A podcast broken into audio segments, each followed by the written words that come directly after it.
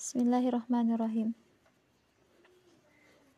Al-Quran, menurut pendapat yang paling kuat, seperti yang dikemukakan oleh Dr. Subhi As-Solih, berarti bacaan. Asal katanya qara'a.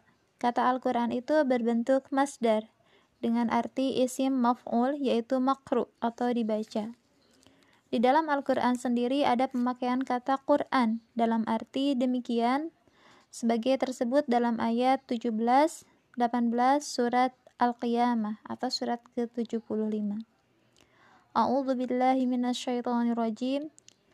Inna 'alaina jam'atu wa qur'anah. Fa idza qara'nahu fattabi' qur'anah. Sesungguhnya mengumpulkan Al-Quran di dalam dadamu dan menetapkan bacaannya pada lidahmu itu adalah tanggungan kami. Karena itu, jika kami telah membacakannya, hendaklah kamu ikuti bacaannya. Kemudian dipakai kata Al-Quran itu untuk Al-Quran. Kemudian dipakai kata Quran itu untuk Al-Quran yang dikenal sekarang ini. Adapun definisi Al-Quran adalah kalam Allah Subhanahu wa taala yang merupakan mukjizat yang diturunkan atau diwahyukan kepada Nabi Muhammad sallallahu alaihi wasallam dan yang ditulis di mushaf dan diriwayatkan dengan mutawatir serta membacanya adalah ibadah.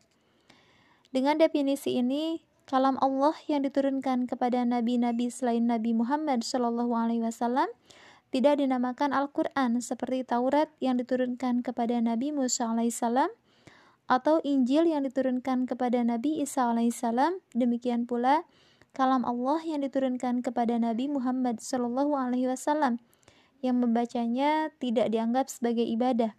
Seperti hadis Qudsi tidak pula dinamakan Al-Quran.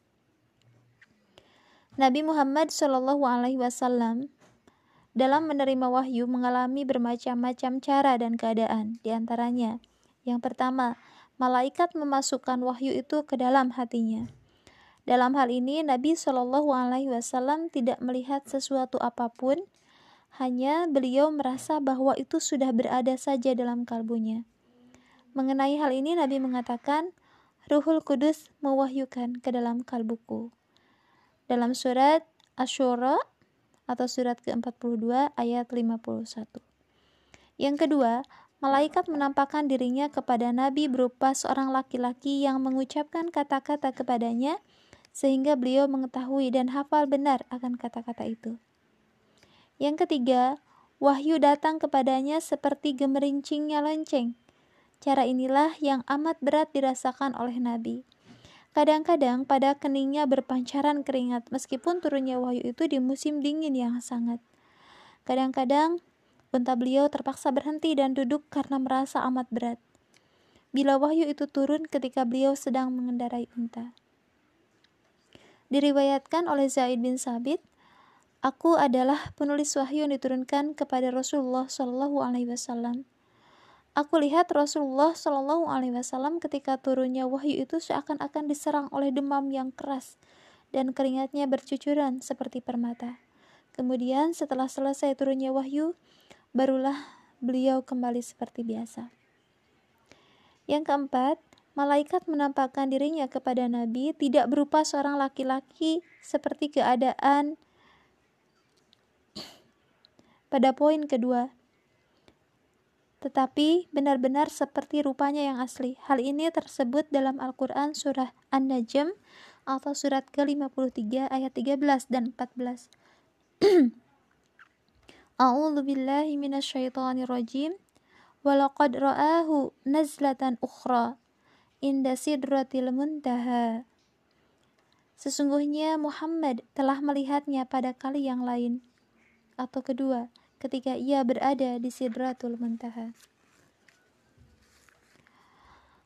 Al-Quran diturunkan secara berangsur-angsur dalam masa yaitu 22 tahun, 2 bulan, 22 hari atau 23 tahun, 13 tahun di Mekah dan 10 tahun di Madinah. Hikmah Al-Quran diturunkan secara berangsur-angsur adalah yang pertama, agar lebih mudah dimengerti dan dilaksanakan orang akan enggan melaksanakan suruhan dan larangan sekiranya suruhan dan larangan itu diturunkan sekaligus banyak. Hal ini disebutkan oleh Bukhari dari riwayat Aisyah radhiyallahu an. Yang kedua, di antara ayat-ayat itu ada yang nasih dan ada yang mansuh. Sesuai dengan kemaslahatan. Ini tidak dapat dilakukan sekiranya Al-Quran diturunkan sekaligus. Ini menurut pendapat yang mengatakan adanya nasih dan mansuh. Yang ketiga, turunnya sesuatu ayat sesuai dengan peristiwa-peristiwa yang terjadi akan lebih mengesankan dan lebih berpengaruh di hati. Yang keempat, memudahkan penghafalan orang-orang musyrik yang telah menanyakan mengapa Al-Quran tidak diturunkan sekaligus sebagaimana tersebut dalam Al-Quran surah Al-Furqan yaitu surat ke-25 ayat 32 yaitu yang artinya mengapakah Al-Quran tidak diturunkan kepadanya sekaligus kemudian dijawabnya di dalam ayat itu sendiri demikianlah dengan cara begitu kami hendak menetapkan hatimu yang kelima di antara ayat-ayat ada yang merupakan jawaban daripada pertanyaan atau penolakan suatu pendapat atau perbuatan. Sebagai dikatakan oleh Ibnu Abbas radhiyallahu an, hal ini tidak dapat terlaksana kalau Al-Qur'an diturunkan sekaligus. Ditinjau dari masa turunnya, maka Al-Qur'an itu dibagi atas dua golongan. Yang pertama, ayat-ayat yang diturunkan di Makkah atau sebelum Nabi Muhammad Shallallahu Alaihi Wasallam hijrah ke Madinah dinamakan ayat-ayat Makkiyah. Yang kedua, ayat-ayat yang diturunkan di Madinah atau sesudah Nabi Muhammad Shallallahu Alaihi Wasallam hijrah ke Madinah dinamakan ayat-ayat Madaniyah. Ayat-ayat Makkiyah meliputi 19 atau 3, 19 dari 30 dari isi Al-Quran. Terdiri atas uh, 86 surat, sedang ayat-ayat Madaniyah meliputi 11 juz dari 30 juz dari isi Al-Quran, terdiri atas 28 surat. Perbedaan ayat-ayat Makiyah dengan ayat-ayat Madaniyah ialah ayat-ayat Makiyah pada umumnya pendek-pendek, sedang ayat-ayat Madaniyah panjang-panjang. Surat Madaniyah yang merupakan 11 eh, juz dari 30 juz dari isi Al-Quran, ayat-ayatnya berjumlah 1456, sedangkan surat Makiyah yang merupakan uh, 19 juz dari 30 juz dari isi Al-Quran, jumlah ayatnya ada 4780 ayat. Juz 28 seluruhnya Madaniyah, kecuali surat ke-60 atau surat uh, Al-Mumtahanah. Ayat-ayatnya berjumlah 137. Sedangkan juz ke-29 ialah Makkiyah, kecuali surat Ad-Dahr, ayat-ayatnya berjumlah 431. Surat Al-Anfal dan surat Asy-Syu'ara masing-masing merupakan setengah juz, tetapi yang pertama Madaniyah dengan bilangan ayat sebanyak 75, sedang ayat e, kedua Makkiyah dengan ayatnya yang berjumlah 227. Dalam surat Madaniyah terdapat perkataan Ya ayyuhallazina amanu dan sedikit sekali terdapat perkataan Ya ayyuhan nas sedangkan dalam surat surat Makkiyah adalah sebaliknya. Yang ketiga, ayat-ayat Makkiyah pada umumnya mengandung hal-hal yang berhubungan dengan keimanan, ancaman, dan pahala. Kisah-kisah umat yang terdahulu yang mengandung pengajaran dan budi pekerti, sedangkan Madaniyah mengandung hukum-hukum, baik yang berhubungan uh, dengan hukum adat atau hukum-hukum duniawi seperti hukum kemasyarakatan, hukum ketatanegaraan, hukum perang, hukum internasional, hukum antaragama dan lain-lain. Allah memberi nama kitabnya dengan Al-Quran yang berarti bacaan. Arti ini dapat kita lihat dalam surat Al-Qiyamah, surat ke-75 ayat 17 dan 18, sebagaimana e, disebutkan tadi.